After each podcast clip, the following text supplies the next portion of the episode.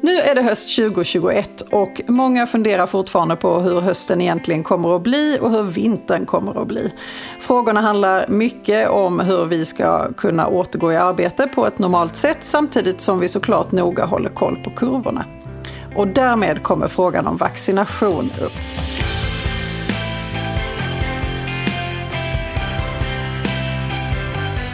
Hej och välkommen till Arbetsrättspodden. Podden för dig som verkar inom HR eller hanterar personalfrågor i din vardag.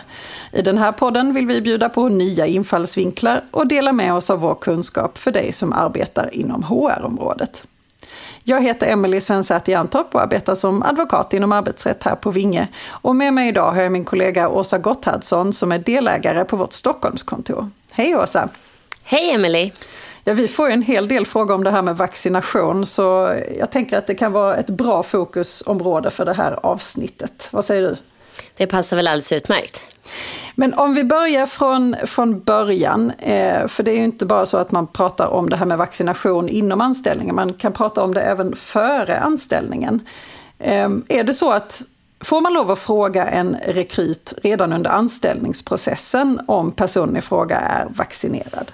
Ja, det kan man ju, ju göra enligt svensk rätt. I Sverige så finns det egentligen inga regler man så att säga är förbjuden från att fråga. Däremot så finns det ju regler som träder in beroende på vad man gör med informationen som man då får som svar på frågorna. Och vad menar du då? Ja, så till exempel att ställa frågor om graviditet eller andra saker som rör privatlivet kan ju vara väldigt känsligt därför att eh, om man sen då eh, inte tar in den personen på vidare eh, intervjuer eller inte ger den personen jobbet så kan ju den uppfatta eh, frågorna och speciellt svaren då som att det var just de svaren som ledde till att inte man fick eh, anställningen. Och det skulle ju då eh, kunna anses vara diskriminerande så finns det ju även andra frågor. Jag tänker personuppgiftshantering kan ju bli aktuellt beroende på vilka frågor man ställer. Och även här när det kommer till hälsouppgift som vaccinering. Där har vi egentligen båda de regelverken som i, i värsta fall så att säga skulle kunna bli aktualiserade. Så att eh, beroende på vad man gör med svaret så kan man ju vara inne och peta i personuppgiftsregleringen om man får ett svar om någon typ av funktionsnedsättning eller sjukdom som är anledningen till att man till exempel inte har vaccinerat sig. Vad gör man då med den informationen? Riskerar man då att, att anses som att ha diskriminerat den personen på grund av funktionsnedsättning om man inte tar den vidare i rekryteringsförfarandet? Risken finns ju. Så man kan egentligen sätta sig i ganska mycket problem genom att ställa de här frågorna, få svaren och sen så behöva ställa sig frågan vad ska jag faktiskt göra med informationen som jag har fått? Ja, precis. Och vi för en, en ganska färgstark diskussion kanske man kan säga även internt ju. Eh, när det gäller de här frågorna. Alltså med internt menar jag kanske inte så vinge internt utan mer vad vi ska rådge våra klienter. Därför att det är inte lätta frågor och självklart kan det finnas ett intresse att ta reda på huruvida en, en kandidat är vaccinerad eller inte. Dock är ju det intresset kanske kortsiktigt, mer kortsiktigt än vad man tänker sig att anställningsförhållandet ska löpa. Så frågan är om det från ett HR-perspektiv också är intressant om vi tänker oss att den här pandemin eller i alla fall viruset får en mindre effekt på våra liv framöver.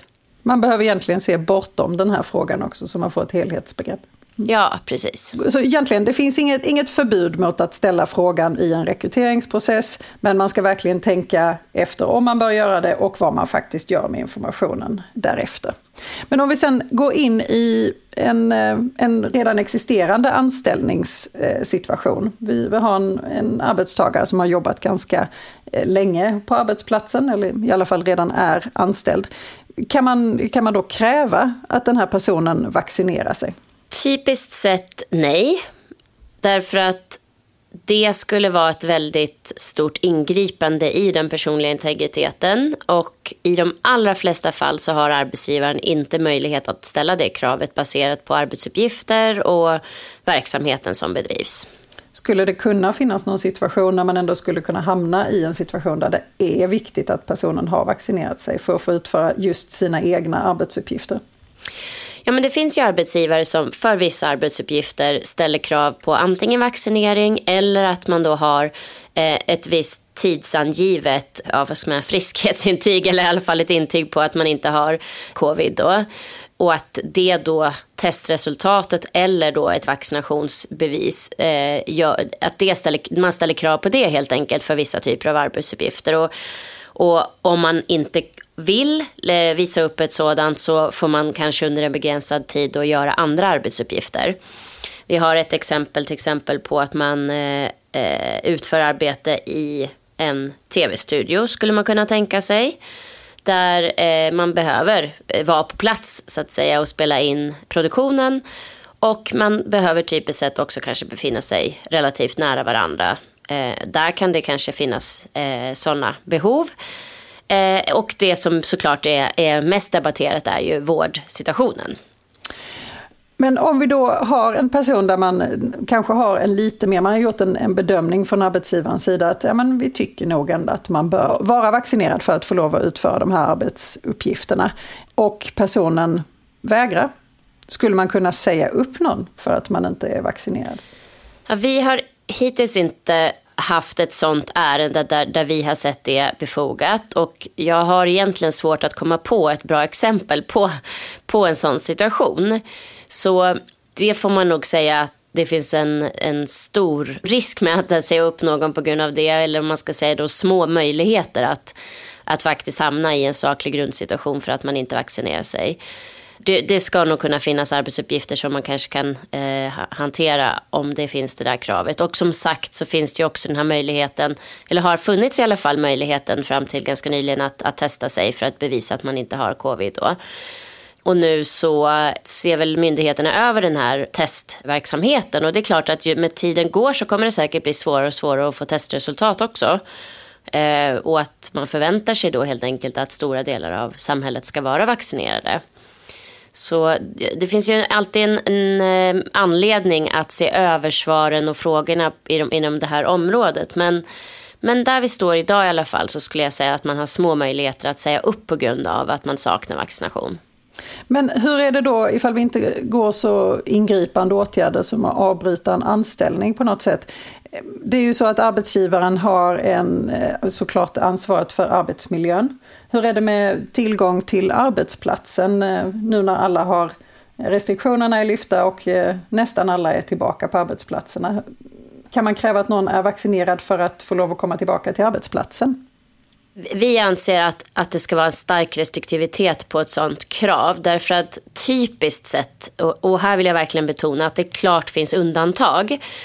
Men typiskt sett så skulle vi, har vi sett i de ärenden vi har arbetat med de här frågorna och även internt hos oss på Vinge att, att eh, det finns andra åtgärder man får se över i första hand. Så att det är helt korrekt att, att en arbetsmiljöbedömning och det vill säga en konsekvensbedömning av de här, den här förändrade vardagen nu. Nu ska vi tillbaka till arbetet eh, eller kontoret kanske framförallt och eh, vilka rutiner, vilka säkerhetsföreskrifter och andra frågor behöver vi som arbetsgivare titta på, söka svar på tillsammans med medarbetarna i samverkan. Så att vi kan säkerställa att alla kan komma tillbaka, eller då i alla fall de flesta då kan komma tillbaka till en, en trygg och säker arbetsmiljö.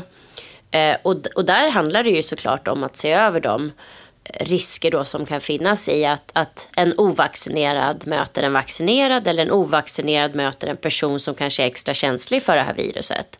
Och så får man då göra individuella anpassningar där, där den situationen kan, kan komma att uppstå. Så det är inte så lätt som att sätta upp en lapp på dörren, här får bara vaccinerade gå in? Nej, precis. För vad blir konsekvensen då om någon vänder och går hem? Har den då begått något fel i anställning för att den inte har vaccinerat sig eller för att den inte vill svara på frågan om man har vaccinerat sig och därför vänder i dörren? Eller har den personen i sig fått ett krav på arbetsgivaren som vägrar tillträde till eh, arbetsplatsen som faktiskt är definierad i anställningsavtalet. En sån lapp på dörren som du säger, den skulle jag säga skapar fler frågor kanske än vad den eh, avser att eh, den tydlighet som kanske är avsedd med lappen. För det är ju så, det här, den här debatten har ju förts med väldigt höga eller högljudda röster från, från båda hållen, eller alla hållen i det här. Eh, och det slängs de, e, e, den ena enkla lösningen efter den andra, men det är inte så enkelt i något av leden egentligen. Precis som i allting annat så behöver man verkligen göra en helhetsanalys innan man tar ett beslut. Och vi har ju många klienter som kanske är en del av en amerikansk koncern eller eh, eh någon annan typ av internationell eh, verksamhet.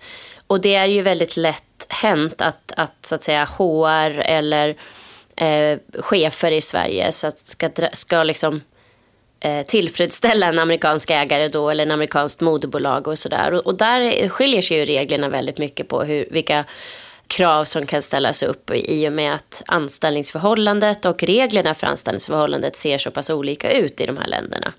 Så därför gäller det ju att, att som svensk verksamhet säkerställa att, att de policies vi sätter upp här i Sverige faktiskt är i enlighet med inte bara regelverket utan även kanske eh, det praktiska förfarandet om hur, hur vi gör saker och ting här i Sverige.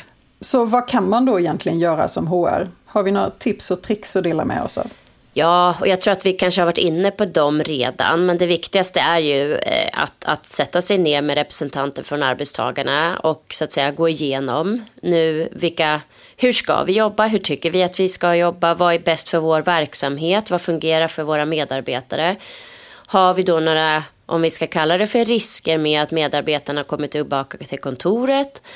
För vem är de här riskerna aktuella? Är det alla eller någon enstaka individ? Och hur hanterar vi då riskerna baserat på det vi då har funnit i den här analysen?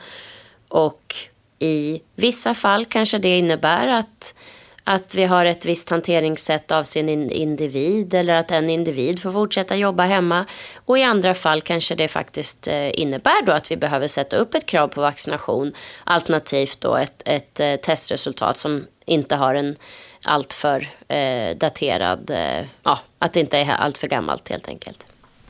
Det är faktiskt allt vad vi hinner med idag, Åsa. Tusen tack för de här insikterna. Tack själv. Dagens gädda. Tänk på att ha en strategi för återgången till arbetsplatsen och hoppa inte till åtgärderna innan ni har gjort en ordentlig analys. Och det gäller även vaccination.